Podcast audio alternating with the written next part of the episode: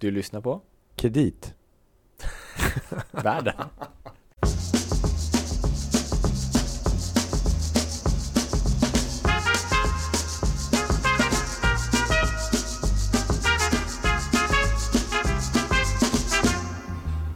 Min bedömning är att efter samtal med Finansinspektionen så är detta ett oåterkalleligt eh, beslut. Va?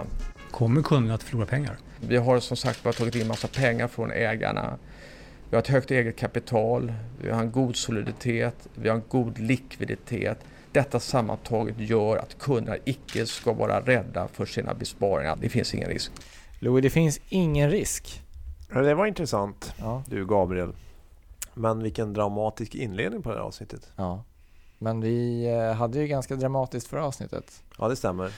Och vi, vi, pratar om krisande bolag och Mm. eh, brister i revisionen och lite sådär. redovisning. Mm. Mm. Uppgång och fall. Precis. Ja. Och här är ett till exempel kan man säga. Just det. Men innan det. Det här är Ja, Gabriel Bergin. Ja, och Louis Landeman. Ja, Danske, Bank. Bank. Och så vidare. Ja. Och vi har med oss som gäst också Peter Malmqvist ska sägas. Tackar. Välkommen, välkommen tillbaka. Tack. Ja, men i förra avsnittet då pratade vi om eh, Fermenta och Prosolvia. Det var två väldigt intressanta fall Mm. vad gäller svenska krisande bolag. Mm. Och nu kommer vi till fall nummer tre. HQ Bank. Mm. Något mer omskrivet på sistone. Ja, Mm. precis. Men det var ju kanske som mest dramatiskt kring när vi hörde det här klippet. Ehm, och eh, vad tänker du när du hör det här Peter? Ja, jag har ju tittat väldigt noggrant på HQ Bank under hela dess tid på börsen och eh, jag delar helt och hållet till exempel Finansinspektionens utredning. Den är Mm. extremt trovärdig där de då redogör för de här övervärderingarna, grova övervärderingarna som vi hör i det här inslaget. Just Och det är klart, eh, mot, de mot den bakgrunden så är det naturligtvis vågat att man som, jag tror han var ordförande, eh, han som pratade. eh, I banken, ja. Ja, i banken. Eh, att då stå och, och lova att eh, ingen kommer förlora några pengar, eller i alla fall inte några kunder till banken. För de hade, ska sägas att de hade 3,5 miljard i inlåning från allmänheten i slutet av 2009 tror jag. Så det är ändå en betydande belopp som så att säga fanns. Ja, och det var stora belopp. Mm. Sen så, nu var det inte brist på pengar som gjorde att de fick så att säga snabbt lägga ner verksamheten Nej. utan det var ju att Finansinspektionen drog in tillståndet att vara bank och då är det game over. Så då stänger man på fredagen och kan inte öppna på måndagen och sen så tror jag det tog en vecka och så hade man då sålt det som gick att sälja eh, till då Carnegie och det. Och det här annat var i början på september 2010 då ska sägas. just det, precis. Men det, det, var, det som Finansinspektionen då eh, säger egentligen är väl att eh, att man har gjort en analys redan i maj 2010 då att man har analyserat den här tradingportföljen och då hade man olika optioner som jag, om jag har förstått rätt då. Och då menar man att de har man övervärderat dem med minst 750 miljoner kronor som var väl då så skulle man börja realisera de här förlusterna. Ehm, De ansvariga på HQ hävdar eh, hela tiden att till följd av att man tvingades realisera de här derivaten då, Mm, så blev förlusterna så här stora. Hade man inte varit tvungen att på kort tid då, eh, sälja ut de här derivaten så hade Mm. inte de här förlusterna varit alls i närheten av så stora. Eh, Den som läser Finansinspektionens utredning kommer ganska snabbt fram till att det kan inte vara sant. Alltså, eh, de har gått igenom inte bara redovisningen i största allmänhet utan de har gått igenom transaktion för transaktion och exakt tagit reda på hur de gjorde. ja. Och det var i princip två stolpar i det sätt som man övervärderade derivaten på. Den ena stolpen var något som kallades för dag 1-vinster eller något som hette edge på finansslang. Och det var helt enkelt att när man då hade köpt ett derivat Mm. Så gjorde man en bedömning av det riktiga värdet på den derivaten. Och så kom man fram till att det riktiga värdet på det här derivatet var faktiskt högre redan första dagen. Mm. Än Så vad det vi är hade köpt det för. om volatilitet och så vidare som kan leda till Det är framförallt antaganden om volatilitet. Och det här var under en period då volatiliteten avvek från det normala. Och eh, då gjorde HQ värderingen att när väl volatiliteten kommer tillbaks till det normala, då kommer värdet på det här derivatet att vara följande. Mm. Och så tog man in det som en vinst redan på direkten. Mm. En annan som framgår av utredningen då också, det är att man faktiskt eh, det, det, här var svårt att handla de här derivaten på börs. För det, mm. dels var HQ väldigt stora i de här derivaten, så det fanns mm. inte några motparter. Och då finns det exempel på där de då den 30 i 12, alltså sista handelsdagen mm. på året, har skickat upp kurser på en del av de här derivaten för att på så sätt då, så att säga, kunna visa på en kurs mm. som styrker att mm. värdet på de här derivaten faktiskt är över det de en gång i tiden har då betalat för. Eller tagit på bokslutsdatum helt enkelt? Mm. På bokslutsdatum. Mm. Men eh, enligt Finansinspektionen så det här pågick under, det, nu pratar vi inte bara 2010 utan det, vi pratar ett par år innan i när jag går tillbaka och tittar från år 2000 så kan jag konstatera att orealiserade vinster, som vi mm. pratar om här, eh, det finns faktiskt lite till och från. Och eh, senast de rapporterar om någon siffra, det är i bokslutet för 2005. Alltså fem år innan mm. det här. Mm. Sen i bokslutet för 2006 då finns det inte längre med några siffror. Det finns inga mm. kvantifierbara data kring hur stora de här orealiserade vinsterna är. Men då redan 2005 var det hela vinsten. Mm. Så när som på någon miljon alltså. Ja, och hade man, det är jag helt övertygad om, hade man kunnat sett att all vinst och mer därtill i HQ Bank kom från orealiserade derivatvinster mm. som man hade räknat fram med hjälp av en modell. Mm. För det kunde man få fram i årsredovisningen. De mm. angav att ungefär 80% av de här derivaten hade man räknat fram ett värde på. Alltså mm. inte kunnat titta på någon marknadsnotering eller någonting sånt. Utan man har räknat fram med en modell. Teoretiskt pris. Teoretiskt pris mm. enligt deras sätt att se. Ja, för att de var inte standardiserade och de var stora på marknaden helt enkelt. Ja. Och, och ingenstans så kunde man i årsredovisningen hitta någon som helst siffra i det hela. Mm. Då är det ju ofta så att man som analytiker, när man letar efter mm. misstänkta uppdiktade vinster som mm. har konstruerats med hjälp mm. av eh, redovisningsteknik, mm. så går man till kassaflödesanalysen. Och då mm. förväntar man sig då att kunna se vad är pengarna i den här verksamheten justerat för de här orealiserade vinsterna. Men det gick inte att se i HQs kassaflödesanalys. Utan, ja, det har jag också frågat mig många gånger. Jag påstår att deras kassaflödesanalyser är förfalskade. Alltså i så mått att de genom att inte ange i kassaflödesanalysen hur mycket som de då har i rörelsens flöde från sådana här orealiserade vinster så lyckas man få placerarna att tro att de vinster som man ser i resultaträkningen också är pengar i verksamheten. Mm. Så jag tycker framförallt att det är kassaflödesanalyserna som är fel. Mm. Vid den här tidpunkten så fanns det inget lagkrav att bolag ska ange storleken på orealiserade vinster eller för den delen, ja, i alla fall inte vinster nej, i alla fall.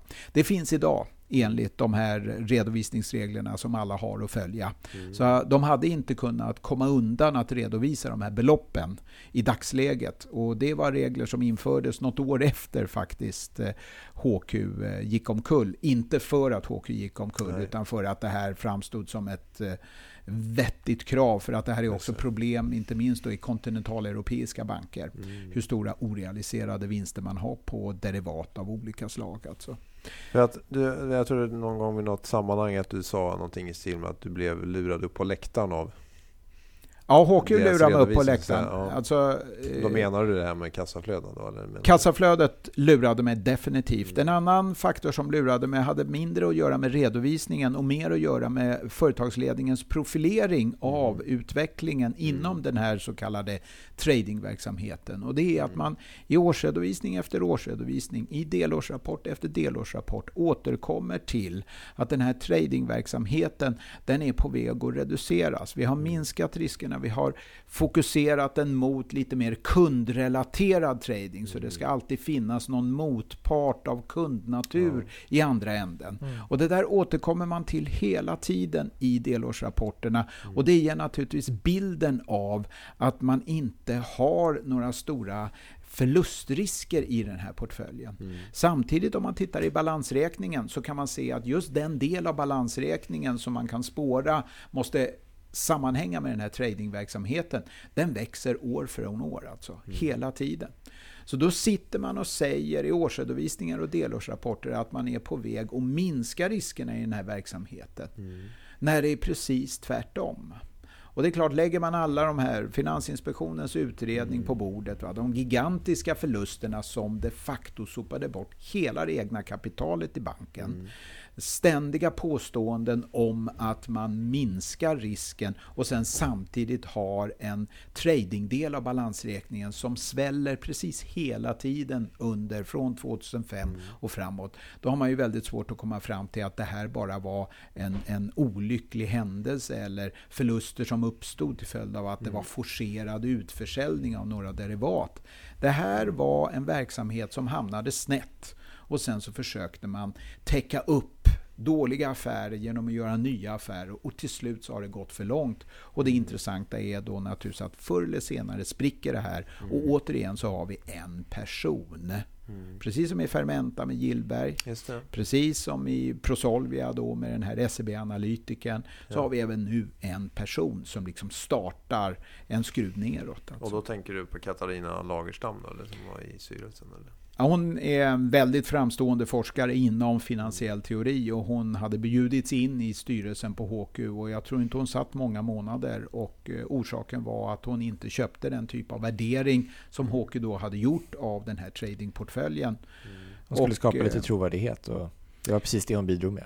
Hon bidrog definitivt med trovärdighet. Och det faktum att hon klev av styrelsen eh, är ju eh, helt avgörande för synen på så att säga, eh, ja, värdena i den här tradingportföljen. Sen så finns det också eh, i alla fall har jag hört spekulationer om att då den eh, bank som finansierade deras verksamhet också krävde vid olika tillfällen mm. att de mm. skulle ha mer pengar i kassan ja. helt enkelt. Alltså, ha bättre likviditet så att de tvingades eh, också sälja av en hel del tillgångar och eh, helt enkelt eh, mm. skaffa den likviditeten för att tillgångsmassan betraktades Jag tänkte så här, skulle man kunna tänka så här att det här med mycket tradingverksamhet att någonstans var det liksom en tidsanda om man drar tillbaka några år i tiden med till exempel isländska bankerna hade ju också mycket tradingverksamhet. Och de upplevde också att det var liksom börshås och det, det gick väldigt bra sen så kom finanskrisen och så blev liksom risksentimentet lite annorlunda. Och man,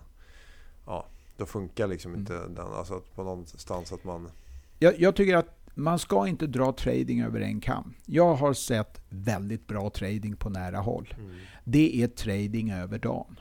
Mm. Det är när traders går hem för dagen och har stängt alla positioner, går och lägger sig, börjar jobba dagen eh, efter och sätter igång och tradar igen. Mm. När man har trading som i HQs fall, där positionerna är fleråriga, mm. ja då lämnar det naturligtvis eh, ett väldigt utrymme eh, för mm. ska vi säga, avvikande värderingar. Men om, om en trader går till jobbet, köper och säljer, köper och säljer, köper och säljer inom dagen. Mm. Och sen så har avvecklat allting vid slutet av dagen. Då är det ju realiserade vinster eller förluster som den här individen har gjort. Va? Mm. Sen kanske man kan ha en position över natten det är vissa som får ha det, ja då tar man ju en risk för det är mycket som kan hända ja. över natten då. Va? Mm. Men även om det går åt pipan så en dag eller två dagar, det är inte så farligt. Men i det här fallet så handlar det ju om liksom väldigt långsiktiga värdepapper, mm. eh, optioner då som de har. Och då blir värderingen en viktigare faktor. Då kan man helt enkelt eh, oss emellan hitta på egna värden mm. själv. Bara man kan hänvisa till en vedertagen värderingsmodell.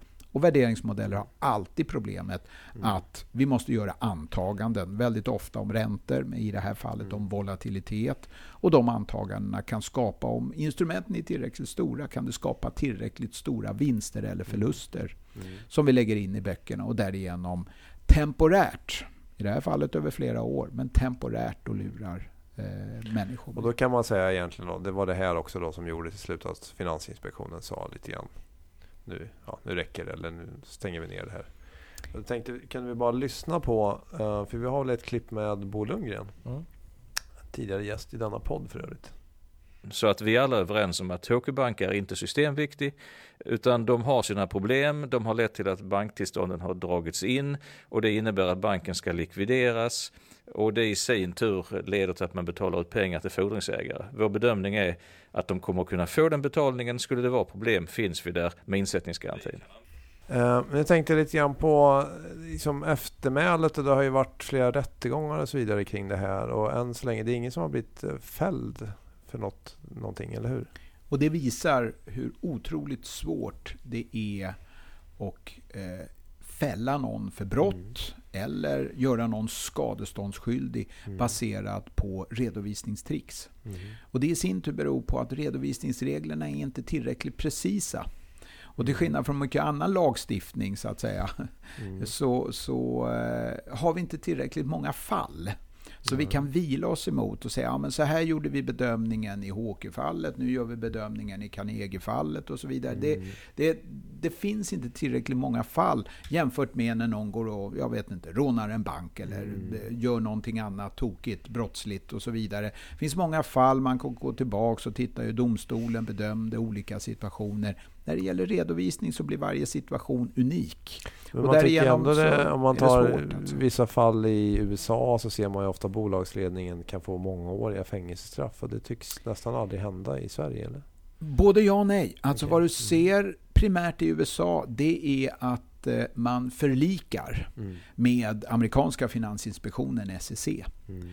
Eh, det förekommer fängelsestraff eh, utan tvekan. Jag det, det, är en enorm eh, rättegångsapparat som de har igång hela mm. tiden i USA inom massa olika mm. områden. Men när det gäller väldigt mycket av de problem som vi kan läsa om mm. i amerikanska bolag, inte minst nu sista tio åren i amerikanska banker där de då beskylls för att ha lurats, inte bara med redovisning utan också lura människor in i olika typer av finansiella produkter. Så blir de inte dömda av en domstol i normalfallet utan de förlikar med de amerikanska myndigheterna. Mm. Man gör upp om ett hiskeligt skadestånd men ingen tar på sig någon skuld. Mm. Och därigenom så vet man inte heller riktigt eh, varför. Vad var problemet? Vad var, vem, varför blev de skyldiga? Eller ja, de blev ju inte mm. skyldiga. Så hela den amerikanska rättsapparaten är inställd på att få loss pengar från de mm. som med största sannolikhet har gjort ett brott. Och de som med största sannolikhet har gjort ett brott vill inte erkänna det, men de är beredda att betala en stor summa pengar för att slippa bli dragna inför domstol. Mm. Därför så fungerar inte det amerikanska rättssystemet alls som det svenska.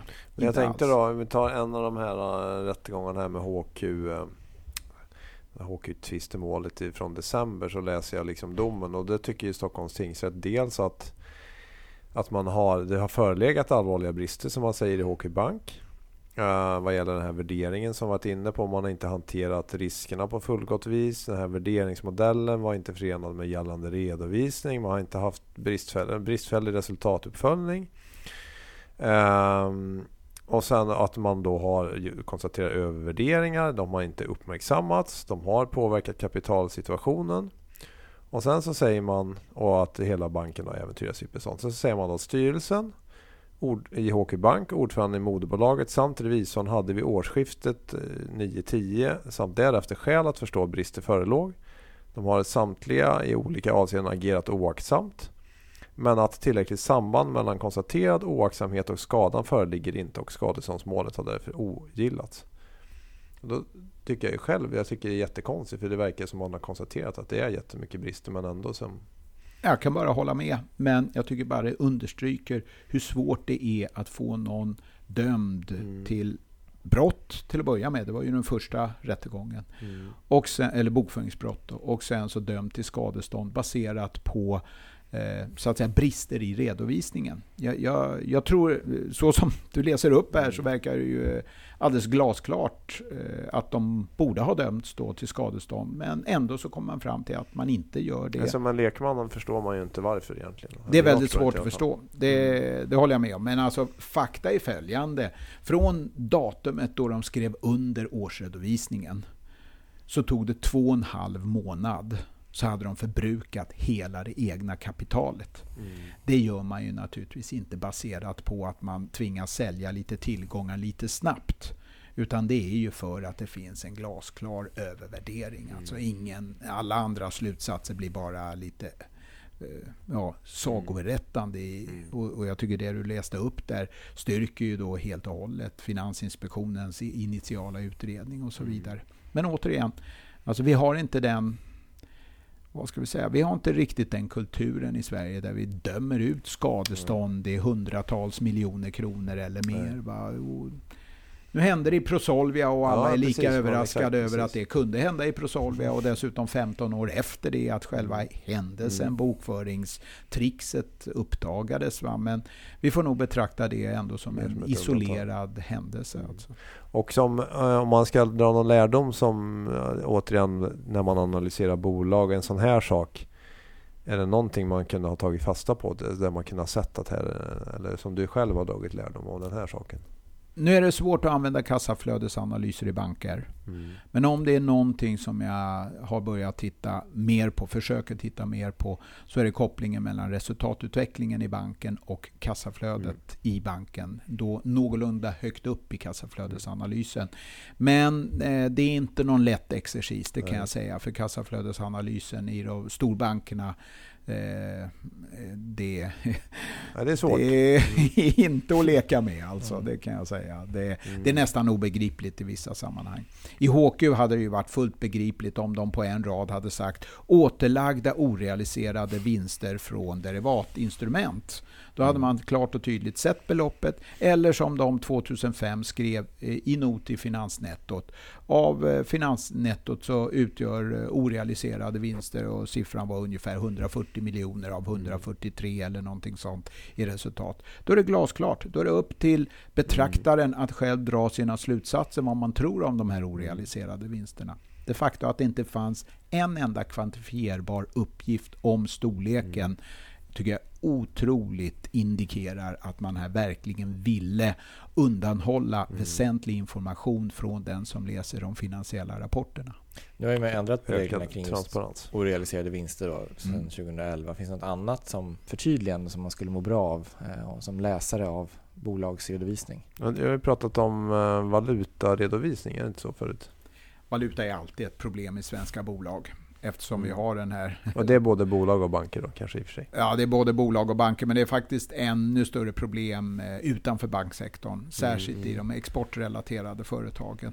Och det beror delvis på att vi har en svensk krona som eh, ja, svänger ganska mycket mm. på egen hand. Men det beror också väldigt mycket på att dollarkursen svänger väldigt mycket mot de flesta valutor.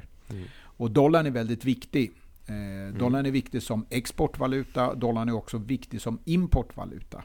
Och den andra är av naturliga skäl då eh, euro, eh, eurozonens valuta, ja, euro. Men det kan påverka vinsten väldigt mycket då egentligen, dollarkursen? Ja, man kan ta ett exempel. Säg att du har ett exportorienterat företag som säljer hälften av sin försäljning i dollar. Mm. Och så stiger dollarn med 25 procent. Mm. Vilket hände då 2014 till 2015. Det är ju jättebra för exporten. Mm. mm. Då ska du ju få mer vinster. Ja, Toppen. Då är det i normalfallet så i exporterande företag att de kliver in i någonting som kallas för säkringsredovisning. Mm. De köper på sig valutaderivat. Mm. Där syftet är att matcha vad de här valutaderivaten mot sina, då i det här fallet, exportinkomster. Mm. Och derivatet då skapar en förlust när dollarn stiger. Om vi nu tar dollarn som mm. exempel. Och naturligtvis den ökade exporten skapar en vinst. Mm. De där två matchar man mot varandra och skapar en förskjutning av valutaeffekten på i många fall 6 12 månader i normalfallet. Så det slår in, den här vinsten slår inte igenom? Så när man sitter där och väntar på sin ökande vinst mm, från precis. den stigande dollarn i det här exporterande bolaget så kommer inte den. För att samtidigt så har man skapat förluster med hjälp av valutaderivat. Mm. Och det här kallas för säkring om man gör det någorlunda så att säga vid samma tidpunkt. Och då har vi en ny redovisning i börsbolagen eh, från 2010, nej, 2009. Och det är någonting som finns under resultaträkningen som kallas för övrigt totalresultat eller på mm. engelska Other Comprehensive Income. Förkortas ofta OCI. Mm. I den avdelningen så ska man då ange de här värdeförändringarna på det här valutaderivatet som används för säkringar. Mm. Och det är jättebra. Då får jag klart och tydligt se hur stor effekten är. Mm. Vad som inte är bra, det är då att en del av den här vinsten, nämligen den, eller förlusten, mm. den del som belöper på det som just har levererats på export. Mm. Det ska vi lägga upp i rörelseresultatet. Mm. I årsredovisningen så måste man redovisa värdeförändringen skilt från det som läggs upp i rörelseresultatet. Det. Och det är det som läggs upp i rörelseresultatet som jag är mest intresserad av. Mm. För det är det som skapar den här förskjutande effekten ja, som lurar mig. Mm. Om bolagen på börsen tog som regel att göra i delårsrapporterna precis som de måste göra i årsredovisningen. Nämligen dela upp omvärderingen av det här derivatinstrumentet från det man kallar för omföringen då, eller mm. recyclingen mm. av det här instrumentet upp i rörelseresultatet. Mm. Så skulle jag mycket tydligt se hur stor effekt den här valutasäkringen har på rörelseresultatet. Det. det är ganska få bolag som gör det, tyvärr. I årsredovisningen måste de göra det, men årsredovisningen den kommer ju långt efter det ja, att visst. alla delårsrapporter och allting mm. har legat på bordet. Va? Så jag mm. kan inte riktigt förstå varför börsbolagen så mangrant lägger ihop de här två posterna. För sammanslaget så skapar det en information som är extremt svår, nästan omöjlig att tolka. Om man separerar omvärderingen av instrumentet från den del som har förts över till rörelseresultatet så får jag i gengäld all information jag behöver för att kunna uppskatta den här fördröjande effekten från valutasäkringar. Så valuta är generellt ett problem. Det är alltid knöligt att bedöma. De här säkringarna gör det till en sorts dubbelsaltomortal att bedöma. Och det är ganska irriterande. För mm. egentligen syftar den här redovisningen till att göra det lättare faktiskt. Men eh, tyvärr. Där skulle det behövas bättre transparens då egentligen? Det, det... Ja, det behövs egentligen ja. bara att istället för att använda en rad och slå ihop de här två posterna så tar man en rad för omvärderingen och en rad för det belopp som har förts över till rörelseresultatet. Mm. Det är inte svårare än så. De gör det i årsredovisningen så jag fattar inte varför de inte kan göra det i kvartalsrapporten. Nej. Alltså. Ja, men det finns ju egentligen det finns väl fler områden som är lite snårigt och kanske även hur man ska se på det. Jag tror du har nämnt andra grejer som pensioner, balansering av utvecklingskostnader. Och, balansering av utvecklingskostnader är ett jätteproblem i teknikorienterade bolag. Mm. Och huvudproblemet är att det finns aldrig, jag kan säga i 100% av fallen finns det aldrig någon förklaring till vad det här är för slags investering man har gjort. Mm. Om ett bolag gör en annan större investering, jag menar, om det är vanliga investeringar som man gör hela tiden, då är det ingen som bekymrar sig. Samma belopp hela tiden och så. Mm. Men gör man en större investering av annat slag, så brukar man säga, ja, nu satsade vi och gjorde den här eh, investeringen i en fabrik eller i ja. någonting sånt. Va? Men när man satsar enorma belopp på produktutveckling, särskilt i mindre, medelstora teknikorienterade företag, skrivs ingenting. Det är bara, ja, nu har vi aktiverat så här mycket i det här kvartalet. Okej, okay, vad är det för någonting? Vad är, det, är det mantimmar? Är det inköpt material? Vad är det till för Men något är projekt? Det är för alltså? att det är lite praktiskt att kunna göra, alltså så att man... Att, praktiskt och praktiskt. Alltså, det, dels kan man ju då säga så här att eh, redovisningsreglerna de tvingar faktiskt företag att ta upp aktiverade utvecklingskostnader för produkter mm. I ett mm. sent skede av produktutvecklingen. Mm. Då produkten är väldigt nära, färdig, äh, nära lansering. lansering. Mm. Nästintill som man kan säga att i ett läge då till och med en bank skulle våga belåna på något sätt hela den här okay. produktutvecklingen. Mm. Då ska den in i balansräkningen. Alltså. Mm. Och då, då, måste det ju finnas någonting som verkligen ja, är identifierbart, som skulle gå att sälja vid en konkurs, som ja. är separerbart från mm. företaget och så vidare. Mm. Men det man ser det är ju då en, en, en, närmast extrem volatilitet i de här beloppen som åker in och ur i balansräkningen i vissa företag, framförallt då inom datateknologiområdet. Va? Okay. Och det är helt okej. Okay. Men det måste ju kompletteras med förklaringar vad det är. Mm.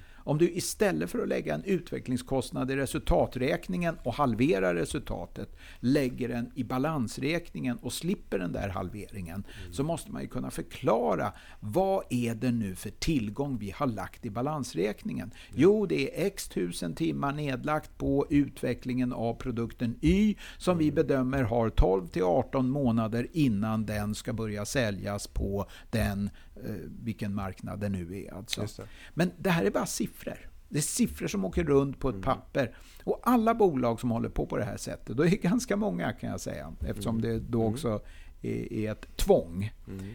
Det är inte tvång att ha en stor volatilitet i beloppet, men det verkar så att säga bli ofrånkomligt, alltså, ja. särskilt i mindre och medelstora mm. bolag.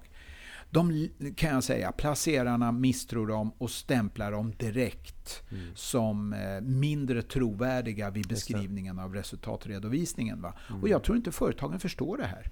Jag tror inte företagen förstår att de blir stämplade som högriskbolag när de har stora poster med utvecklingskostnader som ibland kommer in i balansräkningen, ibland gör det inte, utan några som helst förklaringar. Alltså. Och jag har mm. sett alldeles för många bolag som har bytt VD och där den tillträdande VDns första åtgärd är att skriva ner den förra VDns ackumulerade mm. utvecklingskostnader. Va? Mm. Så att ur det perspektivet, om det är någonting som företag inom teknologisektorn ja. där man aktiverar mycket skulle tjäna på så är det att vara utförligare med vad är det för tillgång ni har skapat i balansräkningen och hur kommer ni tjäna pengar på den framöver. Mm. Hade det varit en maskininvestering, hade det varit en fabriksinvestering eller någonting mm. sånt så hade det varit självklart. Då hade man mm. skrutit med det. Mm. Men så är det aktiverade utvecklingskostnader, då blir det bara en siffra i balansräkningen. Och det skadar bolagen, det kan jag säga mm. helt säkert. Alltså.